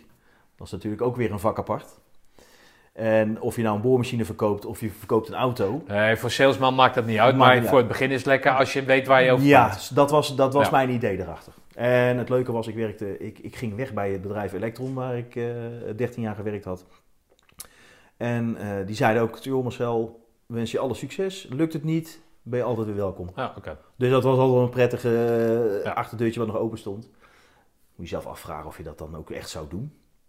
Je denkt bij jezelf van ja, misschien... Maar je kon daar niet in de sales. Nog nee, steeds dat niet. kon ik, dat zou ik nu kunnen, zou ik niet meer willen. Nee, maar toen kon je niet, Nee, na die 13 nee, jaar, dat wilden ze gewoon niet. Nee, dat wilden ze niet. Ah. Nou ja, ze vonden mij daar te jong voor. En Ja, ja, oké. ik kan me dat op latere leeftijd kan ik me dat heel goed voorstellen. Dat, ze dat, mij, eh, dat dat niet iets was wat je als jong Want knaapje- is dat dan eh, gerelateerd aan de, de, de hoogte van de aannamesom dat het over miljoenen gaat? En dan Ook. komt een jochie Ook. eh, en Ja, ja, misschien wel, ja, nou? ja, zoiets? Ja, En ik had natuurlijk nul ervaring. Nee, oké, maar... Ik wilde het graag. En ik heb zoiets van, joh, als ik het graag wil, dan eh, moet ik het ook gewoon doen. Ja, maar Alleen- betekent, ja, misschien ga ik te ver, maar betekent dat als jij dan, wat was je 30 of zo? 27. 27? 27 jaar. Dus als jij dan eh, zo'n project hebt met van die eh, masten en dan gaat het over miljoenen. Dan kan je natuurlijk niet met een Peugeotje 205 aankomen rijden, maar dan moet je met een dikke Mercedes aankomen. En dat dan in combinatie met je leeftijd, dat werkt niet. zullen allemaal factoren zijn geweest die eraan Ja, eh, oké, nee, dat snap de ik. grond hebben gelegen. Ja. Dus, maar goed, nogmaals, met, met eh, opgeheven hoofd en als goede vrienden uit elkaar gegaan. En, En met de zekerheid dat je terug met de zekerheid dat het Ja, terug kon nou, komen. dat als is lekker zit. Ja, precies. Eh, ik heb om een lang verhaal heel kort te maken, heb ik eh, een jaar bij die eh, gereedschappengroothandel gewerkt. En toen ben ik eigenlijk door een klant benaderd om, om iets totaal anders te gaan doen. En die had namelijk een. wij waren de eerste die in, in Nederland die videosystemen voor in de auto verkochten. Dus wij hadden een, een, mijn baas kocht een videorecorder in, in China. En die had een LCD-scherm van Philips. Daar had hij de ontwikkelingskosten van eh, afgekocht voor een symbolisch bedrag. En was eigenaar van het eh 5-inch LCD-schermpje van eh, een Philips, 100% Philips product. Philips kreeg dat eigenlijk, zoals met veel producten van Philips, eh, slecht of niet in de markt. En eh, mijn baas die had een, eh, ja, die had een, een inter- intercontinentale vlucht gemaakt in een, eh, een heel groot vliegtuig waar schermpjes in stoelen zaten. En die had zoiets van, joh, waarom kan dat niet in een auto? Oké. En eh, wij zijn daar een beetje in, eh, in, in aan het pionieren geweest. En wij zijn daar ja, eigenlijk best wel heel erg succesvol in ge- ge- geworden in een korte tijd. Het waren, Maar dan hebben we het puur over de schermpjes in, in de, zoals met die kinderen. De, Ja, die maar wij begonnen, wij begonnen met een, een videorecorder, een zwanenhalsje tussen twee voorstoelen in eh, gemonteerd op de binnenconsole. En daar met een magneethouder plakten we daar het LCD-schermpje op. En dan kon je achter in de auto kon je dan een videofilm Ja, ja, oké. Nou goed, dat zijn we uiteraard doorontwikkelen, doorontwikkelen. We hadden het geluk dat een, eh, een grote BMW-dealer in, in Den Haag, BMW Den Haag, die zag ook wel iets in dat product. Mijn baas was BMW-rijder, dus eh, zijn auto werd, eh, werd de proeftuin voor, eh, voor die schermpjes. En we zijn in samenwerking met die gasten van eh, BMW Den Haag zijn we heel erg eh, enthousiast aan de gang gegaan. Zijn we heel langzaam naar die hoofdsteun gaan, gaan, gaan denken. En eh, nou ja, goed, als je dat gaat doen, dan krijg je natuurlijk te maken met productaansprakelijkheid, TÜV-keuringen, hè, veiligheid natuurlijk. Maar het allerbelangrijkste productaansprakelijkheid. Dus dat, had, dat, dat, dat kostte zo verschrikkelijk veel geld om dat allemaal. Maar goed, uiteindelijk hebben we dat allemaal door kunnen pakken. En dat heeft ertoe geleid dat wij eigenlijk, ja, zeg maar, zo, toch wel marktleider buiten alle bekende namen. Pioneer, Kenwood, Ja. klaar. Al die, die, die bekende merken, die, ja, die stonden eigenlijk in, in onze schaduw. Dus dat was, dat was een, eh, best wel een, een tijdje een euforie natuurlijk. Ehm, uiteindelijk werd die markt zo verschrikkelijk overspoeld. Maar wij kregen het voor elkaar om eh, bijvoorbeeld eh, leverancier te worden van, eh, voor PON, Volkswagen Audi importeursorganisatie. wij leverden alle Volkswagen dealers rechtstreeks vanaf de importeur. Alle, alle Porsche val- valt daar ook onder natuurlijk. Ja. En wij kwamen bij Porsche, kwamen wij, met Porsche kwamen we in contact. En wij leverden dat via de importeur, de Nederlandse importeur, leverden wij schermpjes voor de Porsche Cayenne. Dat was natuurlijk de auto. Ja. Hè, Range Rover deed het ook Ja. heel erg goed. Want het was gewoon een product wat ook wel een beetje een, ja, aan de bovenkant van de markt zat, gelukkig. Eh, iemand van, eh, met een auto van 140.000 gulden in die tijd. Ja, die ging niet naar de kijkshop om met klittenband aan zijn hoofdsteun. Die wilde dat natuurlijk helemaal perfect geïntegreerd hebben. En wij waren daar specialist in. En eh, ja, het was een super mooie tijd. Oké. Dat is echt gewoon een Maar wat was jouw rol daar dan in? nou, ik, deed, eh, ik was eh, samen met, eh, eigenlijk met mijn twee bazen, waren twee compagnons. die zaten daar natuurlijk financieel in. En ik deed daar eigenlijk de verkoop van. Oké, naar particulieren toe of nee, naar, nee, naar, naar, de... de, de, de dealers naartoe? Ja, Ja, ja, oké. Oh, mooi. En vanwege mijn elektrotechnische achtergrond, die je niet echt nodig hebt voor Nee, dat soort werk, maar maar wel wel, handig is, Ja. deed ik ook een stukje inbouw. En eh, ik, ik gaf ook een soort van inbouwtraining aan de dealers. Oké. Ja, en dat was altijd wel heel erg... Wel eh, toegevoegde waarde dan. Jazeker, ja. Ja. ja. Ik zeg altijd, het was een machtig mooie tijd. Dat het, we hebben zoveel leuke dingen gedaan en gezien. En heel veel beurzen deden we. Natuurlijk maar om, om dat product... Maar hoe, hoe konden jullie boven die, al die grote merken blijven dan? Nou, wij konden Of daar hebben ze op een gegeven moment verkocht of zo? Wij konden daar in eerste instantie... eh, hadden wij geen concurrenten. Wij waren gewoon de enige die... eh, eh, op een gegeven moment kwam er wel een, een, een- Pioneer kwam met een schermpje. Een los scherm. Maar wij boden de, de, de klant een, een totaaloplossing. Ja. Hè, dus wij zeggen, joh, jij koopt het, het Vision eh, 0051 systeem.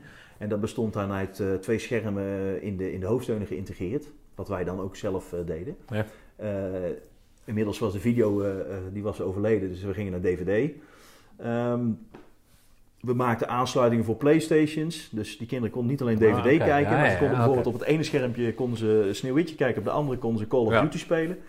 Eh, ja, dat was natuurlijk helemaal top. Maar was dat dan pionieren? Zo van, hey Pik, moet luisteren. Ja. Waarom zetten we niet die Playstation? Kunnen, kunnen we dat niet fixen? Ja, dat, zo, zo zijn we echt. Zo en dan was jij dan de nou, wij, elektrotechnische... wij, nee, dat deden we gewoon met, z'n- met, z'n- met z'n twee, met z'n drieën deden we dat. Nee, maar Ja. omdat jij die elektrotechnische achtergrond had. Nou, nee, maar die, die, die, die, die was niet zo, zozeer eh, de basis voor productontwikkeling of iets dergelijks. Dat was gewoon makkelijk meegenomen. Nee, maar jij kan wel meteen in je hoofd, ja, dat kan. Ja, Of dat kan dat niet. kan niet. Nee, dat Ja, klopt, toch? Dat klopt, dat klopt. Maar we waren zo'n klein clubje.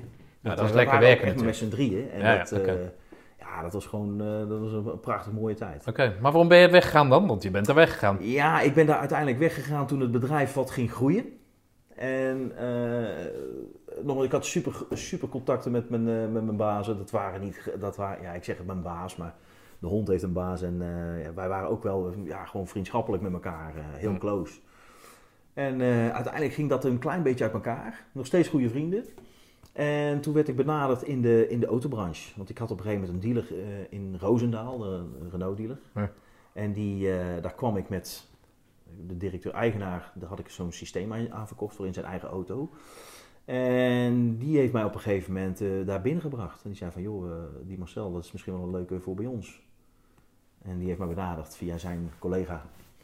En eh, ja, toen ben ik daarmee gaan praten. Ik zei, autoverkoper, ja, ik ben geen showroom eh, dier. Ja. Ik wil vrijheid, blijheid en eh, ik wil ondernemen en buiten zijn. En met mensen bezig zijn. Nou ja, goed, in een showroom ben je natuurlijk ook met mensen bezig. Maar dan zit je wel in je aquarium de hele dag. Ja. En dat was niet mijn ding. Uiteindelijk kreeg ik daar een hele mooie baan als bedrijfswagenverkoper aangeboden. Oké. En toen ging ik in één keer busjes verkopen. Maakt jou ook niet uit, hè, als geboren salesman waar je verkoopt. Nee, dat, maar dat is Jij zo. verkoopt nog Ja. Santanaren beren, maar... ja, eh, ja, ja, ja, ik verkoop nee, maar dat, hoe was jij in die sales? Hoe had je je ontwikkeld daarin? Had je dat dan... Maakt er niet meer uit. Of het de slijptol was of busjes. Nee, nee, nee. Ik dat sales gegeven- had jou gegrepen. De sales aan zich vond ik eh, hartstikke leuk. Ik vond het eh superleuk om met, met vo- voornamelijk ondernemers, met zakelijke klanten, van gedachten te wisselen over wagenparken. Ja. En ik had een klant, een, een timmerman met één busje. Maar ik had ook bijvoorbeeld eh, bedrijven als BAM en dergelijke met Ja, gigantische wagenparken die wij eh, beleverden. Het waren natuurlijk hele andere gesprekken dan, dan met eh, de stucadoor om de hoek. Ja. Eh, maar juist die diversiteit, die, die, die hield het heel erg leuk en spannend. En, eh, Oké, Ja. maar je was niet alleen maar jagen op grote klanten. Nee. Jij zegt dat mensen belangrijk voor je zijn, of dat klantcontact. Ja. Dus het maakt geen fuck uit of het nou 600 bussen potentiële Juist. klant is, of Ja. dat er één bus helemaal uitgeleid moet worden. Dat mijn zaagje hangt, nou ja, gewoon de gemiddelde klusbus. Ja, Goed uitgerust klusbus. Ja, precies dat zoals dat jij- is ook jouw ding. zoals jij het nu zegt, zo is het. Ja. Oké, En ehm, ik ben altijd wel, ja goed, ik ben altijd hè, mensen die mij kennen, die ah, een praatjesmaker in de goede zin des woords, al zeg ik het zelf. Ehm, maar heel veel mensen die, die, eh, die mij kennen, die weten gewoon, ik ben wel, als ik met iemand een gesprek aan ga en ik heb geen klik, Ja. dan ben ik ook heel, heel direct en eh, open en eerlijk en zeg ik, joh weet je, misschien is het wel een beter idee om mijn collega langs te sturen. oké. Dus ik heb geluk gehad vanavond. Jij, hebt, eh, jij bent eh, de chosen one, ben je. Niet ik, maar jij. Oké. Ja. Nee, dat is dan ook voor onze luisteraars duidelijk. Ja, oké. Ja. Maar goed, eh, jij vertelde mij dat je, even een sprongetje, maar dat, over dat, dat sales ding, hè, dat je als salesman natuurlijk vreselijk je best kan doen. Maar dat op een gegeven moment in een, in een, in een krimpende markt, of op, nou, in ieder geval veranderende markt, dat je niet alleen maar je salesman bent, maar dat je ook eh, voeling moet hebben met hetgeen waardoor je gesteund wordt, de service Ja, of, of wat dan ook. Ja, ja, In tijden van dat soort, en dat soort tijden heb je natuurlijk ook meegemaakt, denk ik. De, Ja. de vorige crisis, deze crisis. Hoe, hoe, hoe, gaat je dat ja, we hebben uiteindelijk natuurlijk eh, eh, door, de, door de schaalvergroting in de, in de autobranche dat, dat, dat de grote bedrijven steeds groter moesten, moesten worden onder druk van de importeurs en eh fabrikanten. En dat de kleine dealertjes, de zelfstandige dealers, eigenlijk eh, een soort van opgeheven werden en, en gedwongen werden om, om te stoppen met hun werkzaamheden waar hun ziel en zaligheid in lag. Eh, kwamen we in één keer van familiebedrijfjes eh, kwamen te werken bij best wel grote, eh, grote clubs met meer dan tien vestigingen en eh, een paar honderd mensen op de payroll. En dan krijg je natuurlijk hele andere organisaties en ik groeide daarin mee. Dus voor mij was dat niet zo'n zo'n maar was jij zo'n familiebedrijf of was jij zeg maar al... Nou ja, ik heb, het, ik heb Ik heb bij, een, bij hele grote bedrijven gewerkt en ik heb ook bij familiebedrijven gewerkt. En Ah, natuurlijk, weet je, eh, er is overal wel iets. Hm. Eh, bij familiebedrijven is die hele close band is heel prettig, vind ik persoonlijk heel prettig. Ja. Eh, waarbij andere mensen misschien juist zoiets hebben van, nou, ik werk liever bij een grote organisatie, want dan heb ik die afstand. En Hm. ik, ik vond het heel prettig om gewoon op, op één lijn te zitten met de directeur-eigenaar. Dat ik daar gewoon ook Jan, Piet, Kees of Wim eh, tegen kon zeggen. Dat vind ik, dan, dat vind ik persoonlijk als mens heel prettig. En voor jezelf beginnen, het is nooit een optie geweest dan of zo? Nee, nee, nee. nee, nee. Want? Nou, ik heb daar nooit echt de, de behoefte aan gehad. En ik ben nu met Denise ben ik eh, 22 jaar samen. En Denise is ook niet de vrouw die daarin de risico's graag opzoekt. Oké. Die is toch wel een beetje van de zekerheden. En, heeft- eh, Het is een hele aantrekkelijke vrouw, als ik zeggen mag. En Die heeft dan wel het risico met jou aangedurfd dan. Dat zeker, ja. ja. Dat is het grootste risico wat ze in het leven ooit genomen Inderdaad, ja. ja. Ik weet niet of ze slechtziend is, maar... eh, nee. hey, maar eh, over die Denise gesproken. Je had dat vriendinnetje toen, toen de tijd, hè? Ja, ja. Maar eh, jij bent nu 50, eh, je bent 22 jaar samen. Dus je bent er op wat latere leeftijd tegengekomen, of niet? ja. Ik heb natuurlijk één geluk, dat ik ben 51, maar mijn vrouw is eh 41. Oh joh. Ja, dus dat... eh, Oké. maar ja, goed, dat is... Nou, dat dacht ik al. Maar eh, ja, nee. dat zo'n- Nee, maar doe, doe, Nou ja, goed, dat is jaar. eigenlijk alleen de bevestiging dat ik een goede salesman ben. Want ik heb ja. mezelf kunnen verkopen dat is, aan haar. dus, dames heren, dat is zeker waar. Dat is zeker waar. Maar wa- wanneer heb je haar ontmoet? dan? Toen was eh, ik, werd, eh, ik werd 30. 30, dan wa- toen Ik- was zij 20 Toen was dus. zij 20, ja. Oh, oké. Ja, dus eh, ja, dat was de, de, de, de, de, ja, de, de- het cliché, hè? De, de, de liefde op het eerste gezicht. En, eh, Vanuit beide vanuit kanten. haar. wel, vanuit haar, ja. Ja. Nee hoor, nee, goed. Ja, weet je, wij, wij we zijn elkaar eh, ook heel burgerlijk in, in het café tegengekomen. En, eh, Maar jij ja. komt uit Breda, zij, zij komt hier vandaan, hè? ja, Oude uit Bos. ja. Waar, waar heb je elkaar ontmoet? In Breda. Oh, in Breda. Breda Want natuurlijk- Oude Bos, Breda, dat, als je in Oude Bos woont, ga je in Breda afstappen. Ja, of in Roosendaal. Oh, oké. Ja. Ja. Want hoe ver is het van Breda af dan? Mm, als je dat met openbaar vervoer zou doen, een uurtje. Maar ik denk als je dat met een auto doet, dan ben je binnen 25 minuten, 20 Ah, minuten. Dan ben je Ja, in het centrum. als het Ja, ja. Dus jij komt er tegen, groene Ja. beret op en ja, dan, dan, bret op. dans je lekker of zo? Of wat, wat, wat, waar, waar moet jij het van hebben dan? Ik, eh, ja, dat weet ik niet waar ik van moet. Dat moet je eigenlijk aan haar vragen. Maar, Ja, eh, nou ja, goed. Oké, loopt keihard naar boven. Maar, eh, nee, maar dus, de- dus jullie komen elkaar tegen en dan, want je kinderen, ik kan het zo uitrekenen natuurlijk. Je, je dochter is 14 hè? Ja, En je zoon is 13. 13, ja.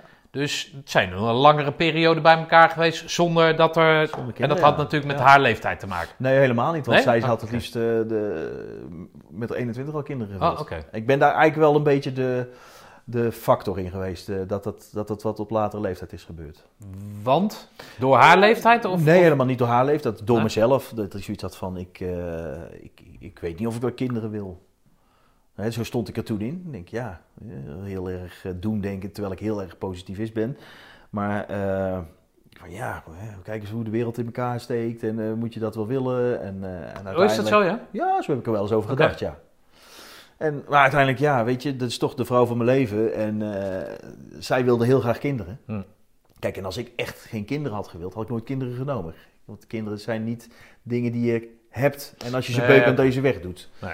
Hè, dus het is wel een bewuste keuze geweest van ik ga voor kinderen of ik ga er niet voor. Oké. En eh, wij hebben daar Dus door eh, kinderen te nemen, koos je onvoorwaardelijk voor haar. Ja. Daar komt het eigenlijk op Ja, neer. daar komt het wel op neer. ja. Oké. Ja. En, maar hoe beviel dat dan, kinderen? Ja, dat, eh, dat, jij hebt zelf ook kinderen. Kinderen hebben mijn, mijn, mijn leven wel, heel erg veranderd, in positieve zin. Positief zin, oké. Ja, ja, ja. Ik heb, zoals iedere vader eh, zielsveel van zijn kinderen houdt, heb je zoiets van, joh, die, dat moment dat je dat, dat, dat, dat wondertje dan eh, in je handen houdt voor het eerst, dat, dat, dan op dat moment ben ik veranderd als mens. Oké. Ja, ik ben er heel, eh, op de- vanaf dat moment voelde ik me voor het eerst in mijn leven kwetsbaar. Oké.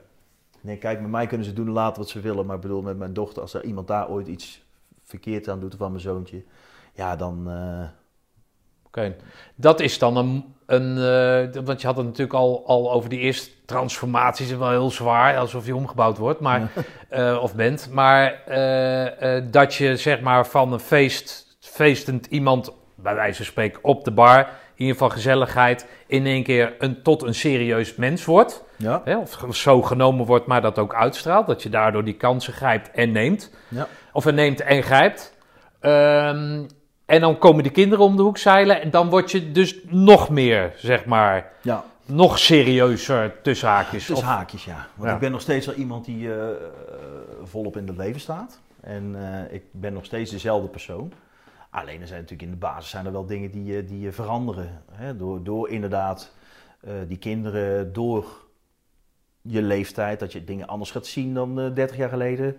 Ehm, dus ja, je verandert sowieso wel. Alleen dat zijn wel de punten, de eikpunten in mijn leven waar ik zeg van nou, als ik, op dat punt ben ik wel heel erg Hm. veranderd vanaf dat moment. En Hoe is jouw band met je, met je kinderen? Heel goed. Ja. Ja? Ja. ja. Ik heb hele lieve kinderen. Ja, nee, dat komt door. komt door, door, door je moeder natuurlijk. Nee, maar de- ja. Ben je de, de vader die eh, allerlei dingen met ze doet, eh, onderneemt? Of, of, of ben- je... Ah, nou ja, goed, dat is een beetje. eh, ze zitten nu in, ook in een leeftijd waarin ze het heel erg druk zelf hebben op school Uiteraard. en dergelijke. Dus, eh, maar wij, wij, wij zijn wel eh, in dat opzicht wel familiemensen die wel ook alles wat we doen, doen we ook, betrekken we wel zoveel mogelijk onze kinderen bij. Oké. Als Dus we jij wij vertelde, wij zitten gaan- hier eh, frietjes te eten, want je hoort hier frietjes zeggen. Vertel jij dat op vrijdagavond sinds jaar en dag eh, een traditie, een soort geworden is?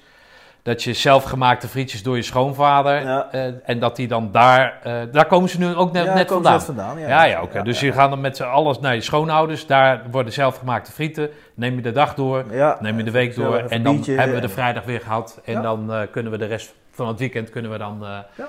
Kunnen we dan bevechten. Oké. Ja. Vind jij dat jij eh, eh, eh, er alles aan doet om een goede vader te, te zijn? Of heb je ook nog tijd voor jezelf nodig? Dat hoor je wel eens toch? Nou ja, in die zin, ik, ik heb een, ja, volgens mij hebben we een hele, hele prettige gezinssituatie. Waarin wij elkaar de, de, de, de ruimte geven. Hè, bijvoorbeeld, hè, wat ik je straks aangaf. Ik ga met, eh, met maatjes eh, minimaal één keer per jaar wel een paar dagen weg. Ja. Hè, dat zijn dingen die, wel, eh, wel, ja, die ik wel heel erg op prijs stel. Dat ik ook, ik bedoel, laat eerlijk zijn, je hebt er wel een gezin. En dat moet je vrouw dan ook wel goed vinden. Kunnen we zeggen, ja, ik heb er scheid aan, maar je, houdt wel, je moet wel rekening met elkaar houden natuurlijk. Kijk, Nee, als- maar ik heb er bijvoorbeeld ik ken een kerel en die, dat, die, die, eh, die verkoopt zich als hele goede eh, familieman, zeg maar, weet je wel. Ja. Maar die is wel triatleet. Ja. En dan niet op hoog niveau, maar voor een triathlon moet je echt wel, ben je weet je wel, serieus? wil je gewoon binnen een dag aankomen, moet je echt wel serieus trainen. Dus dan denk ik van ja, altijd van nou, hartstikke leuk dat jij familieman bent.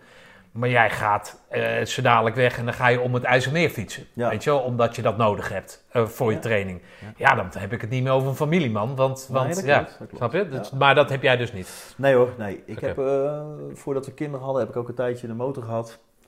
En ook, dat was toen hadden we niet eens kinderen, maar dan ging ik op, op zondagochtend, ik was ook echt niet zo'n zo'n zo'n zo'n motorbeest. Maar dan ging ik op zondagochtend met mijn schoonvader wel eens een rondje rijden. Die had ook een motor. En dan ging mijn, mijn, mijn dochter met, mijn- met mijn schoonmoeder gingen sporten. En dan reden wij een rondje, dan gingen we een paar bakken koffie drinken. En dan eh had zoiets van, ja, weet je, dan, dan, dat vond ik al prettig om te doen. Hm. Maar ik ben niet de persoon die zegt van, joh, eh, mijn vrouw die zit hier op de bank en die zou eigenlijk best wel ergens naartoe willen. Maar ik ben er niet, want ik ben, ik ben de hele dag met de motor alleen Nou ja, weg, weet je. Zo- Zo'n man ben ik niet, dat niet. Hè, dat ik al zeg, wij bijvoorbeeld eh, als wij, wat wij graag doen is een hapje gaan eten en eh, eh, lekker lunchen. Maar dan gaan we, nemen we wel de kinderen mee. En dat willen we graag. En nu zijn ze op een leeftijd dat ze soms zelf wel eens aangeven, "Pff, hè, pa, daar heb ik helemaal geen zin in. Ja. Of maar dat, eh, joh, ga maar zonder ons. Ja.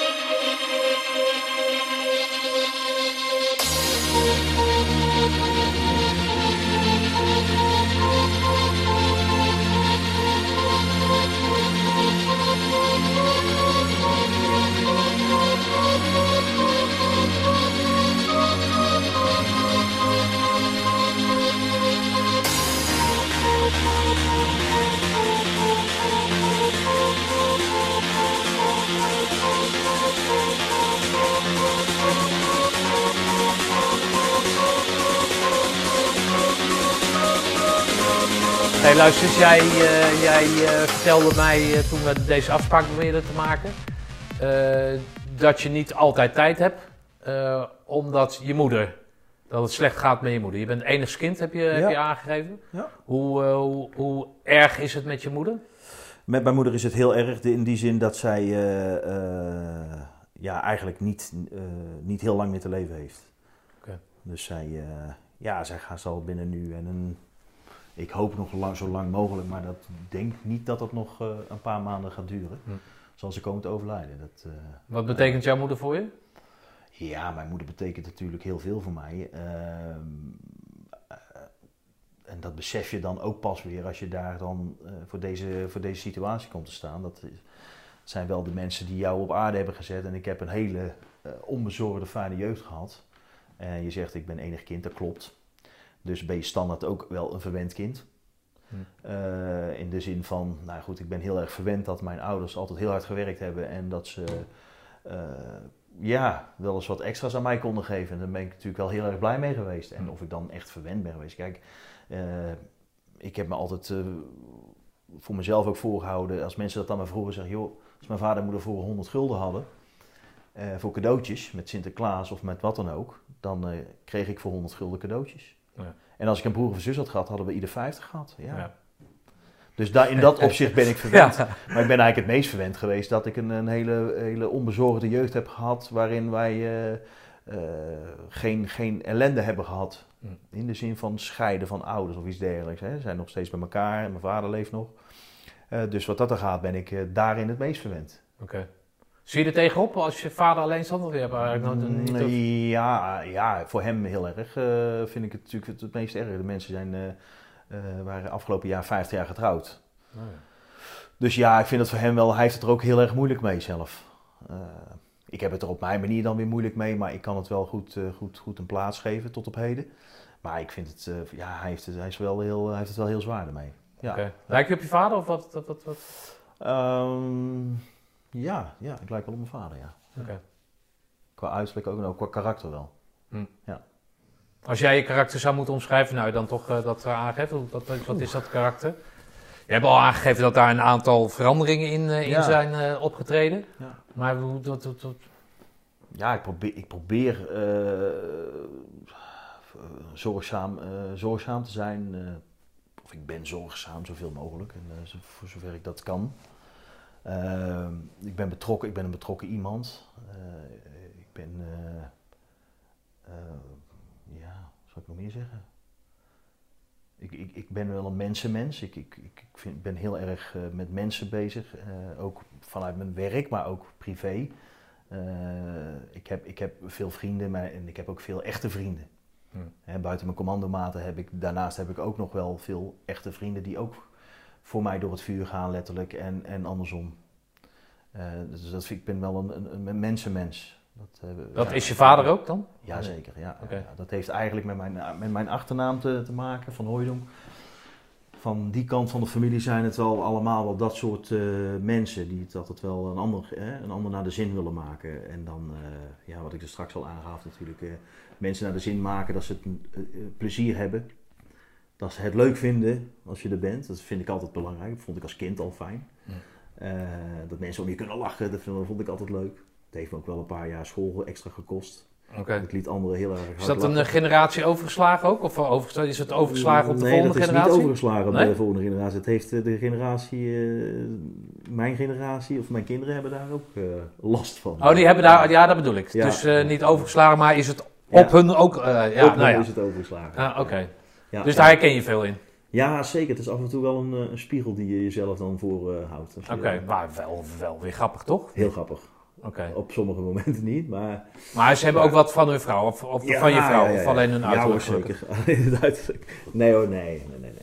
Mijn, mijn, om, het, eh, om, het, om het toe te lichten, mijn dochter is eigenlijk een kopie van mij. Ja. En mijn zoontje is echt wel qua karakter wel een kopie van mijn dochter, Ja, of van mijn vrouw. Hm. Ja, mijn dochter is heel erg open en eh, sociaal. En niet dat mijn zoontje asociaal is, maar die is wat rustiger en wat teruggetrokkener in, bepaalde opzichten. Dus eh, het is mijn vrouw ook. Hey, het, eh, het duurt nog een tijdje, maar op een gegeven moment gaan ze natuurlijk eh, pleiten, gelukkig. Ja, Of niet gelukkig, maar, Ja, maar nou ja, zoals, zoals zoals het het leven hoort, nou hè? eenmaal in elkaar zit en zoals het hoort inderdaad. Waar, eh, waar zie jij, eh, eh, hoe zie jij je toekomst? Poeh, hoe zie ik mijn toekomst? Ja, dat is een goede, Stefan. Ik hoop dat, eh, en daar proberen wij natuurlijk vanuit ons uit, van mijn vrouw en ik uit, eh, natuurlijk alles aan te doen, dat zij eh, eh, ook diezelfde, datzelfde warme nest hebben wat wij hebben gehad. eh, want ook mijn vrouw, die heeft daar een, eh, die heeft ook haar, haar ouders nog allebei en ook zorgzame mensen die eh, ook alles voor de kinderen wel eh, belangrijk vinden. En ik wil dat mijn kinderen ook meegeven. En ik hoop dat ze goed terechtkomen. En daarin eh, probeer ik ze te helpen eh, zoveel als ik kan. En ja, ze zullen natuurlijk ook op, heel veel dingen op eigen benen moeten, moeten gaan doen. Maar ja, de tijd zal het leren. Want Daar kan ik eh, helaas niet over, eh, over beslissen. Nee, maar goed, over 15 jaar dan ben je misschien wel opa, weet je ja, wel. ja. Maar dan woon nog steeds in Oudenbos. En, of, Ik hoop het wel. ja, oké. nee. ja. Over 15 jaar ben ik, eh, ja, dan ben ik bijna met pensioen, hè? Als het tenminste. Ja, tegen die tijd zou je nog wel tien jaar door moeten. Ja, maar, eh, ja, precies. Ja, moeten we niet aan denken. Nee, maar goed, ik, eh, ik hoop natuurlijk in, in, in goede gezondheid eh, ook gewoon lekker oud te kunnen worden. En eh, ja, dat is natuurlijk allemaal eh, met, met, met het huidige, met mijn moeder eh, zie je hoe betrekkelijk alles is. Ja. En dan denk je bij jezelf van ja, ik ben, ben blij dat ik, eh, dat ik zelf gezond ben, dat mijn gezin gezond is. Gezond Ja. is. En dat is dan toch wel een heel erg groot cliché, maar wel vreselijk belangrijk. Ja. Ja. Hey, laatste vraag, wat, wat, wat eigenlijk centraal is en die je eigenlijk al voor 99% eh, hebt eh, beantwoord. Maar ehm, ja, stel hem toch maar. Wat heb je naast hè, al die transformaties die je hebt doorgemaakt, eh, met betrekking op die groene bret, maar wat, wat, wat als jij nou hè, morgen weer een interview hebt met iemand die een werkstuk moet maken en dat jochie zegt of dat meisje zegt, nou meneer, wat heeft u nou eigenlijk aan die groene bret gehad in uw leven? Ja. Wat is daarop je, de- daarop je die, eh, antwoord dan? Nou, die heeft mij, eh, die heeft wel bepaalde eh, deuren geopend voor mij in, in, in, in de meest ruime zin. Ik heb daar wel, ik heb er wel voordeel van gehad, ja. ja. Ik ben er, ik ben met recht nog steeds trots dat ik, dat ik die groene beret heb gehaald. Ooit, 30 jaar geleden, heel lang geleden. Ja. En het mooie is dat, ja, wij kennen elkaar eigenlijk via LinkedIn. En ik ben al eh, heel, nou ja, heel lang. Ik zit al vanaf eh, 2007 zit ik op LinkedIn. En er zijn een hele hoop, eh, ja, waar ga je dan waar ga je zoeken als je naar connecties, als je een netwerk gaat opbouwen. Dan ga je natuurlijk kijken van, joh, wie ken ik en eh, wie ken ik van vroeger. En je merkt al wel heel snel dat je toch wel bij die commando's eh, heel snel met elkaar die aansluiting hebt. Waarbij je bijvoorbeeld eh, de, de, de jongens die met je in het peloton hebben gezeten of in de, in de 104 hebben gezeten. eh, daar heb je natuurlijk heel snel een, een, een link mee.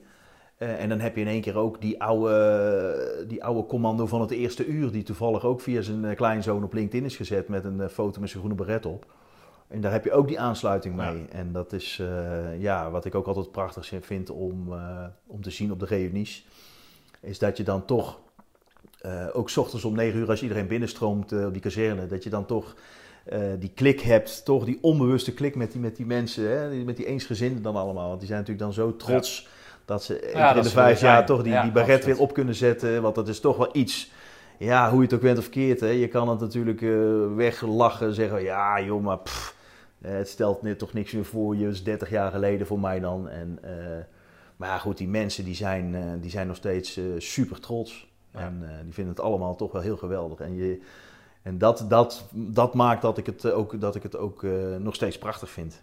Ja. En het, nog één een hele leuke, leuke anekdote is wel, mijn vader, die heeft ook in dienst gezeten heel lang geleden. En die werkte op de KMA in de keuken.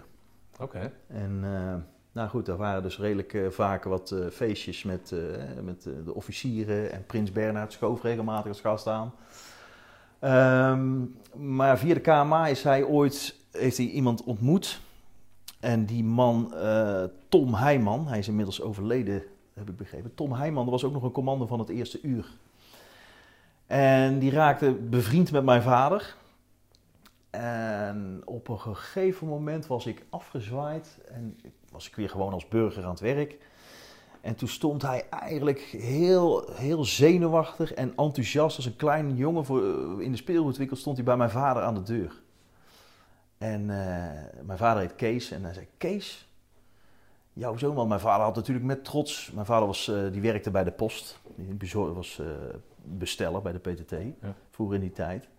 En die kwam nog een keer of twee keer in de week bij die Tom Heijman eh, in de straat. En eh, ja, had natuurlijk op een gegeven moment aangegeven toen ik in de, in de VO startte, hè, dat, ik, eh, dat zijn zoon bij de commando's zat en in de opleiding was. En eh, ja, goed, natuurlijk, die werd echt de, de, door de brievenbus naar binnen getrokken als hij daar met de post liep. Want dan moest hij elke week moest hij een update geven aan die oude man van hoe het dan met mij zou gaan. En goed, ik wist van het heel bestaan van die man niet af. En die stond in één keer bij ons aan de deur. Met het verhaal van, joh, luister eens, ik, ik heb een vraag aan jouw zoon. Oh, nou ja, zei mijn vader, eh, hij is thuis. Dus hij kwam binnen en eh, hij was er helemaal klaar voor. Ik denk dat hij, volgens mij had hij zijn groene beret zelfs bij zich. En eh, hij ging met mij het gesprek aan. Wat was het? hij wilde mij vragen om deel te nemen in de oprichting van de Vereniging Oud-Commando's Westelijk Noord-Brabant. Oh ja. In bestuur. Oh. Want hij was met een paar mensen, was hij, hadden ze dat plan opgevat. Want er waren natuurlijk al een aantal commandoverenigingen in, in Nederland. Behalve in West-Brabant, waar dus ook de kazerne staat. Hè? De, de, Ja. de thuisbasis van het korps. En eh, ze wilden dus vanuit deze hoek wilden ze ook een commandovereniging op gaan richten. En toen was hij heel enthousiast eh, omhoog gesprongen. Hij zei, maar dan wil ik er eentje bij hebben van, eh, van deze grappig. tijd, een jonge knaap. Ja. En nou, toen ben ik eigenlijk als, als, wat was toen mijn rol, ja, secretaris. Maar er waren allemaal oud-commando's. Maar ook oud in de zin van oud. Van, qua leeftijd. Ja, ja. en in de VUT toen nog in die tijd. En ze waren mensen die, waren, die hadden dag en nacht tijd voor de vereniging. En ik begon daar als jonge, jonge knaap, ja, als secretaris. Best wel een pittige functie in een bestuur. Ja. Eh, maar ik had er natuurlijk helemaal geen tijd voor. Ja. Dus, maar ik ben wel met die, met die oprichting bezig geweest. En eh, dat, ik geloof ik heb het twee jaar gedaan. En uiteindelijk heb ik mijn functie over kunnen dragen. En eh, ook wel een lange tijd lid geweest van de commandovereniging. Maar dat was echt toen. Hè, want ze wilden mij er heel graag bij hebben om jonge aanwas natuurlijk ook voor die vereniging. En een paar leuke activiteiten gedaan, een paar bivaks en zo. En, eh, ja, Oh, wat grappig. eh, hartstikke leuk. Dus Ja. ik ben eigenlijk, eh, ja, ik heb wel een- aan de, aan de, aan de wieg gestaan van de, van de commandovereniging. Mede door die, door die oude commando. Ja, wat dat was leuk, wel, man. eh, was wel leuk. Ja. Die was echt, ja, die was eigenlijk bijna net zo trots als mijn eigen vader. Terwijl ik die man helemaal niet kende. Ja, dus ja, dat was oké. wel, ja, eh, nee, ik, ja ik, snap dat, ik snap dat inderdaad. Ja, of dat, dat, ja, ik snap dat. Ja. Nou Marcel, heb ik nog dingen aan, niet aan je gevraagd die, eh, die je absoluut kwijt wil? Eh, volgens mij, ik weet niet hoe lang we over zitten kletsen, maar dat was wel even, denk ik. Ja, het is wel even. Ja. Nou, vertel mij dat verhaal dan, want dat vind ik dan een mooi verhaal. Die heb je natuurlijk in de auto eh, verteld, op weg hierheen. Maar dat je dan als dienstplichtig eruit gaat, hè, dan kom je via nou, je omzwervingen, elektrotechniek, eh, kom je op een gegeven moment in die autobranche eh, binnen. Ja. In het Roosendaalse. Ja. En er zijn ook commando's, beroeps, maakt niet uit, maar die ook een auto willen. En Ja. die, daar kom jij dan nu mee in contact, of Ja. toen kwam je daarmee in contact. En daar heb je dus, dat heeft gemaakt dat je bij menig afscheid bent geweest Ja. Van beroeps. Eh, vertel eens over die band dan, want dat is toch voor een Ja, ben, is eh, dat bijzonder. Ja, dat is heel bijzonder. Dat is ook iets waar ik, eh, ja, waar ik dat, wat, wat ook dan wel weer extra trots maakte natuurlijk. Dat je uiteindelijk met, met militairen, die je dan eigenlijk ook nog wel een soort van persoonlijk kent. Hè, dat je als dienstplichtig jongetje met, met een aantal gasten in contact bent geweest, die je dan een paar jaar later tegenkomt. En dat jij eigenlijk die gasten gelijk herkent. En dat ze jou vaag misschien nog wel ergens kunnen plaatsen. Maar ze hebben natuurlijk in al die jaren zo verschrikkelijk veel cursisten voorbij zien komen. En commando's. Dat ze zoiets hebben van, ja, je smoel komt me bekend voor. Maar eh, wie, ben je nou ook weer? En dan ga je natuurlijk met je lichtingnummer aan de gang. En met, ken je die nog? En eh, oh, zat jij toen bij die? En, eh, eh, dus dan krijg je op een gegeven moment een hele, een hele waanzinnig leuke gesprekken. Krijg je, terwijl- met mensen die je natuurlijk wel kent. Maar eigenlijk ook weer niet. Ja, Hè. Maar die dan eh, bij je aan je bureautje zitten als verkoper en die dan in één keer, ja, dat je eigenlijk toch bijna een soort van eh, eh, beste mate gevoel met, met die mensen wederzijds hebt.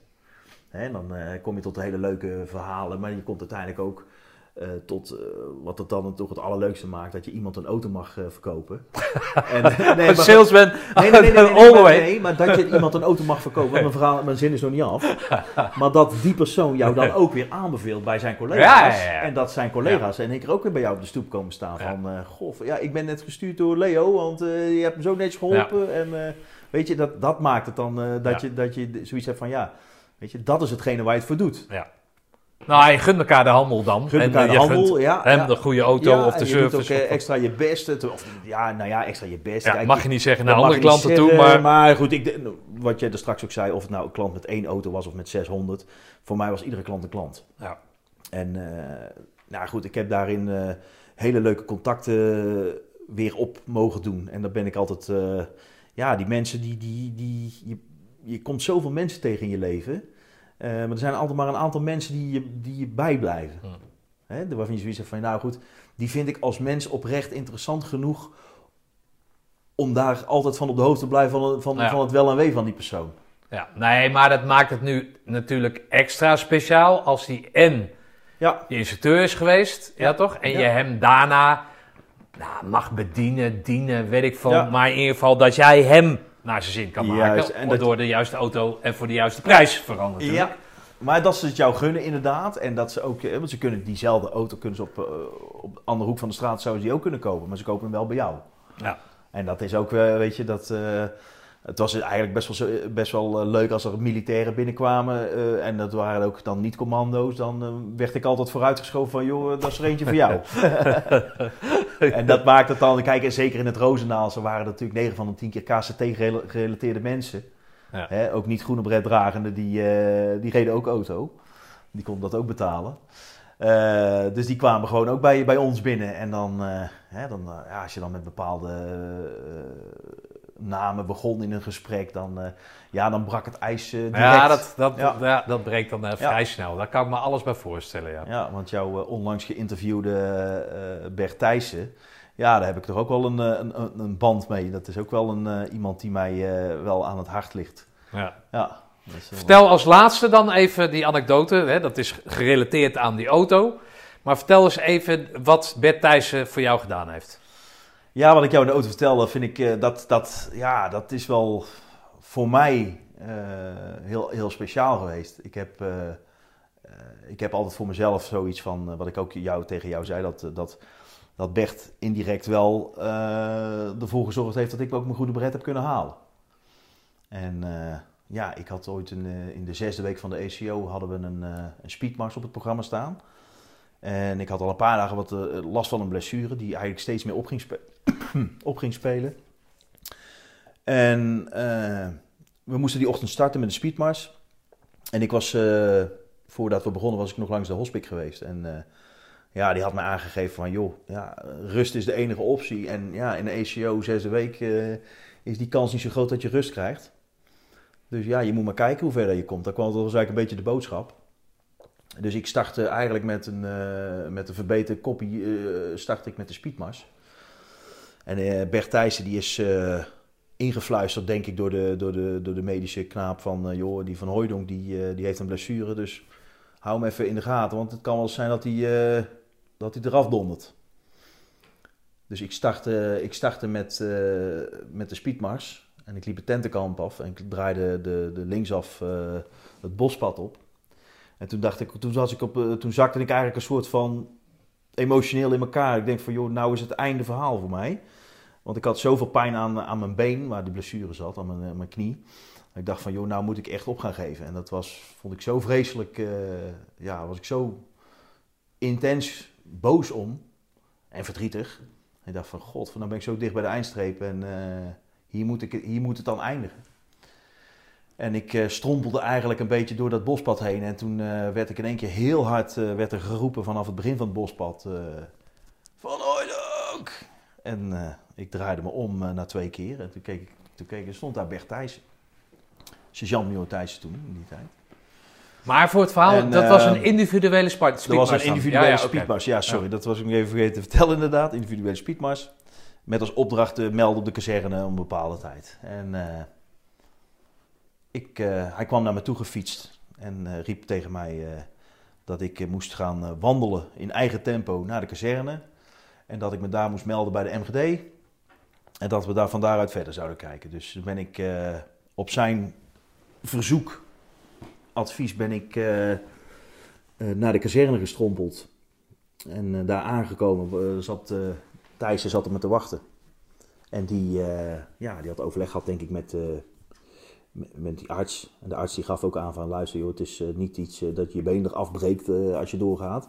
Alleen ja, nogmaals, het enige is rust pakken. En toen kreeg ik ook de opdracht om die dag ja, eigenlijk rust te pakken. Onder, onder dwang van Bert Thijssen. Want hij zegt, jij gaat met die, met die ja, zoals jij hem ook geïnterviewd hebt, met dat zure gezicht vallen, zei hij altijd met een knipoog zelf.